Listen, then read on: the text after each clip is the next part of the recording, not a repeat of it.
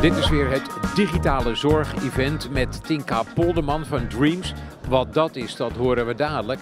Maar Tinka, dit is de ochtend na een shooting in Amerika. Waarbij een ruim dozijn jonge mensen zijn omgebracht. Wat, denk jij als deskundige met betrekking tot de mentale gezondheid van kinderen bij dat soort nieuws? Ik denk dat dat een ontzettend effect heeft op de mentale gezondheid van kinderen en jongeren en hun families. Ehm,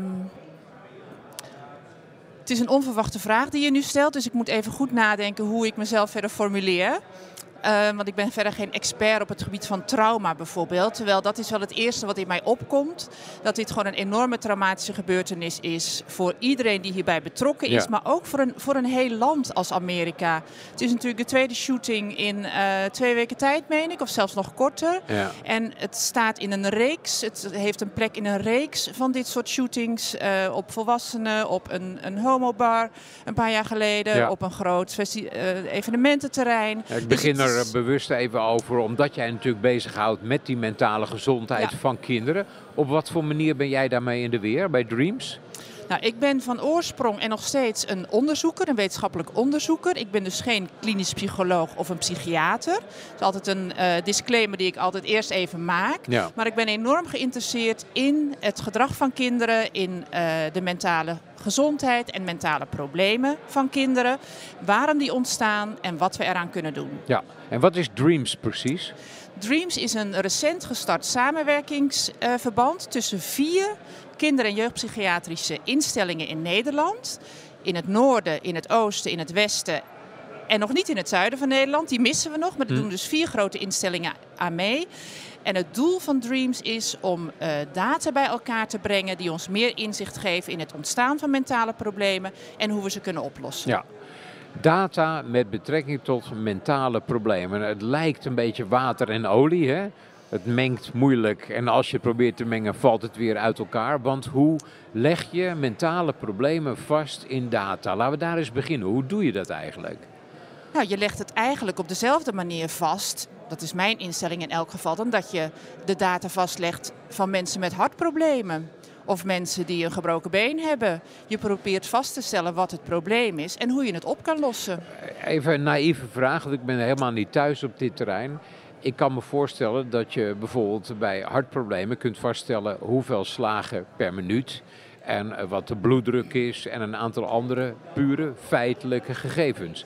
Is dat niet een stuk lastiger als het gaat om geestelijke data? Ja, dat is een, een goede vraag, inderdaad. Dat kan wat lastiger zijn, omdat je afhankelijk bent van observaties die je doet. En interpretaties. Uh, en daarbij de interpretatie van degene die observeert.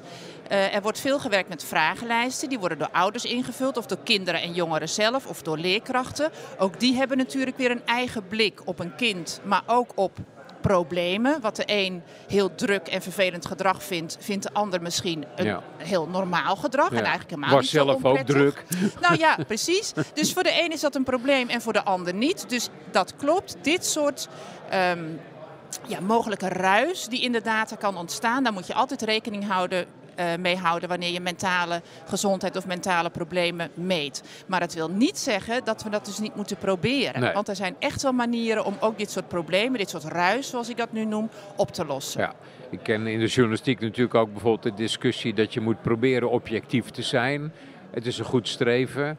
Wil niet altijd lukken, maar het betekent niet dat je moet kappen met het streven. Precies. Zoiets. Uh, wanneer zijn jullie begonnen uh, echt serieus data te verzamelen over mentale problemen bij, bij jongeren? En hoe hebben jullie dat in, in den beginnen geprobeerd te doen?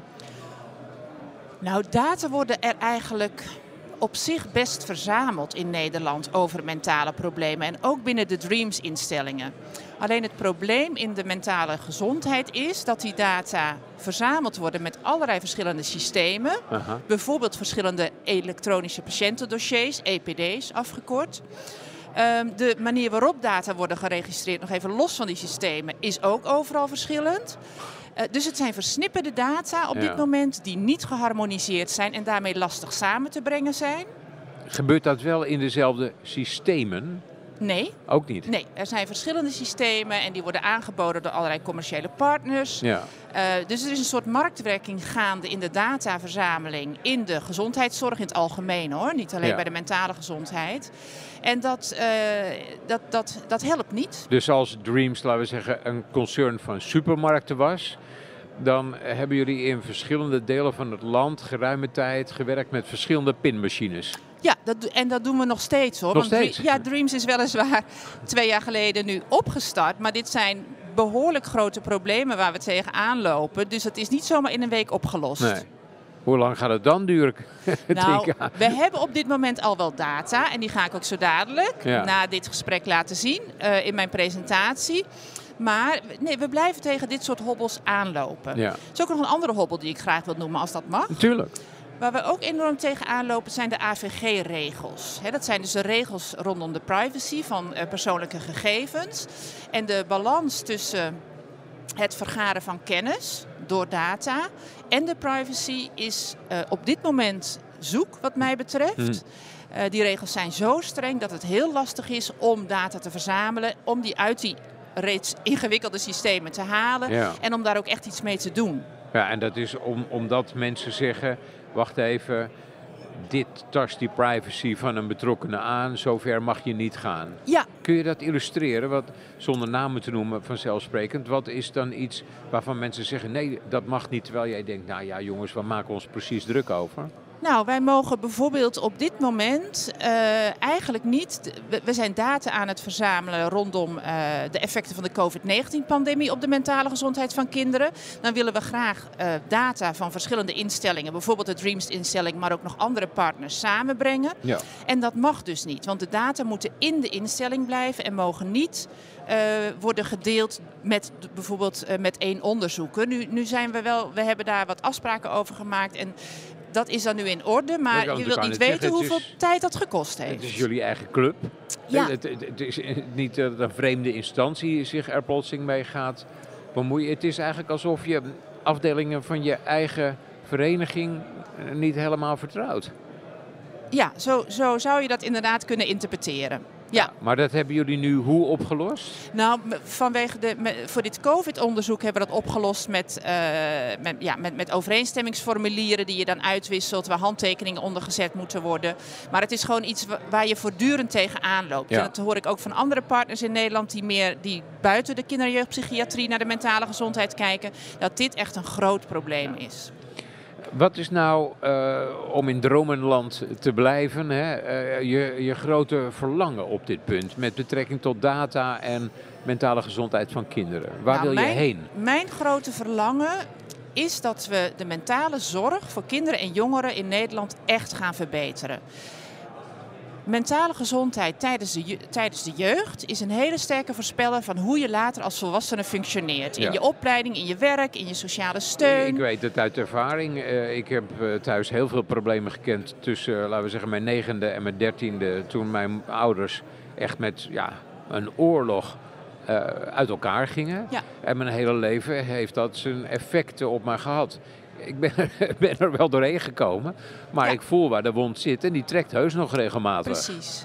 Bij 60% van de volwassenen met mentale problemen of met mentale zorgen zijn die al ontstaan in de kindertijd. Ja. Dus wanneer je in die kindertijd goede zorg kan bieden, voorkom je een hoop problemen in de toekomst. Ja, dus, dus- dat loont voor de kinderen en de jongeren zelf en hun families, maar ook voor de maatschappij als geheel. Het gaat jou vanzelfsprekend heel erg om de inhoud van dat werk.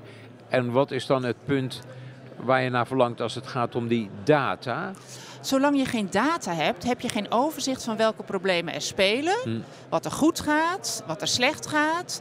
En wat de Eh, maten zijn van het een of het andere probleem? Precies, ehm, waar de zorg het hardste nodig is. Wie- zijn die kwetsbare kinderen die we echt in de gaten moeten houden? Misschien al van hele vroege leeftijd eh, af aan. Ja, We hebben nu geen overzicht. We weten, om even eh, iets te verklappen van mijn lezing zo dadelijk... we weten niet eens hoeveel kinderen er in zorg zijn in de Nederlandse GGZ.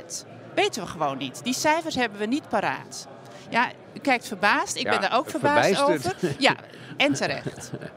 maar we weten wel hoeveel mensen dagelijks de trein nemen. Klopt. En, Ja. en we weten niet hoe die kwetsbare groep, jongeren, getalsmatig, eh, op dit punt er, nou ja... Nee, dus ook niet hoeveel jongens of hoeveel meisjes, wat de gemiddelde leeftijd is, wat hun achtergrond is. Of ze hebben uit we de niet, achterstandswijken komen of Ja. uit Wassenaar. hebben we niet in beeld. Oké. Hey, en en eh, dat zal eh, niet alleen maar komen doordat de digitale ontwikkelingen moeizaam verlopen, maar misschien ook met andere oorzaken. Dat we eh, in, in het verleden, dat, eh, toen er nog helemaal geen digitale ontwikkelingen waren, sowieso niet zo goed bijhielden. Ik denk ook inderdaad dat het wel een, een onderdeel is van, die, van de cultuur Ja. in de psychiatrische zorg. Dat het bijhouden van data nooit echt prioriteit is geweest. Zo bezig met die mensen en hun zorg, Ja. dat je de grote lijnen uit zicht verliest. Ja, ik denk, ik denk dat dat inderdaad een van de oorzaken is. Eh, naast inderdaad de ontoegankelijkheid van datasystemen voor het online eh, tijdperk. Maar dus ook in het online tijdperk, wat ik net schetste, Ja. lopen we hier tegen praktische problemen aan. Wa- Waar ben je nou trots op? Hè? Want je, je, je, je doet dit werk al een tijd en je boekt ongetwijfeld resultaten. Wat is iets waarvan je zegt, nou, dat hebben we toch maar op onze palmares. Nou, waar ik echt trots op ben, is het feit Je gaat dat ook er- gelijk glimmen, zie Ja, ik. ja, precies. Ja. Ik ben dus ook echt trots. Ja. Dat er eh, dat in Nederland op dit moment echt een enorme bereidheid is bij wetenschappers, bij eh, zorgprofessionals, eh, om die zorg echt te gaan verbeteren. Dat iedereen staat aan, zeg maar, om hiermee aan de slag te gaan. En eh, eventuele ego's worden opzij gezet. En wat heb jij daar dan aan bijgedragen? Nou, ik praat heel veel, ik organiseer heel veel. Ik probeer, zoals dat dan heet, neuzen dezelfde kant op te krijgen. En omdat er dus zoveel bereidheid is, gaat het eigenlijk heel erg goed. ja. Dus het is heel dankbaar werk. En, ehm, ja, en ik, ik ben er trots op dat het dus ook eindelijk op de Nederlandse politieke agenda bijvoorbeeld is komen te staan. Dat is niet alleen mijn verdienste, hè, ik, maar dat is wel die, die, die geest die er nu Ja. heerst in Nederland van het moet echt beter. En, en wat maak je trots als het gaat om de digitale ontwikkelingen binnen jullie club? Ik ben trots dat we eh, op dit moment een zogenaamde intakevragenlijst hebben ontwikkeld bij de vier instellingen. Die we bij alle vier de instellingen op een precies dezelfde manier, in een bijna precies hetzelfde systeem, Standaard. standaard nu aan het verzamelen Ja, zijn. En we ja. hebben nu van die intakevragenlijsten, die gaan over mentale gezondheid natuurlijk, maar ook over al die achtergrondvariabelen die we net al een beetje aanstipten. En we hebben nu al data van ongeveer 2000 kinderen. Dus we krijgen steeds meer zicht op inderdaad wie zijn deze kinderen nou eigenlijk. En, en hoeveel eh, heb je er nodig om te, het idee te krijgen, nu hebben we echt eh, een, een behoorlijk symbolische indruk, representatieve indruk zou ik moeten zeggen, van de problemen? Nou, als we het hebben over de kinderen in de eh kinder- en jeugdpsychiatrie, dus de kinderen van Dreams, daar komen per jaar 10.000 kinderen binnen. Dus ik denk dat wij na een jaar of na twee jaar al meer dan genoeg data hebben om echt iets te kunnen zeggen over de populatie in de kinder- en jeugdpsychiatrie. Alright. Ja. En wat is iets waarvan je eh, denkt, nou ja, verdikken me eh, dat vlot op digitaal gebied jammer genoeg niet voldoende? Nou, die systemen, ja, sorry, kom ik toch weer bij nee, terug. dat mag. Ja. Daar zit echt de bottleneck Daar zit dus. echt de bottleneck. Er zijn nu twee centra van de, van de vier Dreams eh, centra die met een nieuw EPD zijn begonnen. Nou, dat, alleen al de implementatie van zo'n EPD Ja. brengt ontzettend veel kinderziektes met zich mee. de- Kinderziektes? ja, om het zo maar even te noemen. Waar de kinderen dan dus ook echt de dupe van zijn. Ja. Eh, die paar maanden dat die implementatie duurt. En vervolgens hebben we dus weer, hebben, nou ja, werken we dus met vier verschillende EPD's Ja. binnen, die, binnen Dreams. Eh, Zoals je daar net zat glanzen, zit je, zit je nu bijna te schuimbekken. Ja. Je, je, bent- je bent er echt pissig over. ja, daar ben ik echt pissig over. Ook omdat het ontzettend veel geld kost, al die EPD's. Het gaat heel veel zorggeld. Misschien ben ik nu een beetje kort door de bocht. Heel Ja. veel zorggeld gaat naar dat soort systemen. Ja, ja. Waarom hebben we niet gewoon één nationaal EPD voor alle eh, disciplines van de geneeskunde, zou ik bijna willen zeggen? Nou ja, er is natuurlijk in dit land ontstellend lang gediscussieerd over de invoering van dat eh, elektronisch patiëntendossier. Eh, en daarachteraan komt dan eens, als je dat eindelijk besluit, eh, hoe je dat technisch exact gaat organiseren. En voordat je het weet, is er een eeuwigheid voorbij. Ja. Ik zie ook die technische en, en privacygevoelige hobbels en dergelijke wel. Hoor. Het is niet zo dat ik daar mijn ogen voor sluit, maar Ja. het kost wel heel veel tijd en geld die we dus ook in de zorg zouden kunnen steken. Laten we afsluiten met, met nog een droom. Waar zou je nou uh, met, met Dreams uh, en met data over, laten we zeggen, vijf jaar willen zijn? Dat je denkt, ja, dan moet dat en dat toch echt helemaal goed geregeld zijn? Ik zou dan willen dat de zorg voor kinderen en jongeren meer gepersonaliseerd is. Dus dat we veel meer in beeld hebben welk kind welke zorg nodig hebben. Ja. Een, een, een, een, jongen met een migrantenachtergrond van 14 jaar uit een randstad heeft andere zorg nodig, zeg ik denk ik intuïtief, mm. dan een meisje van dezelfde leeftijd die op het platteland in Groningen woont. Ik hoop dit soort dingen nu met data te kunnen ondersteunen, zodat we echt gerichte persoonlijke hulp kunnen bieden aan kinderen. Oké, ik wens je daar sterkte mee. Dankjewel. En dat de kinderziektes er maar uit mogen gaan. ja, dankjewel. Hoi.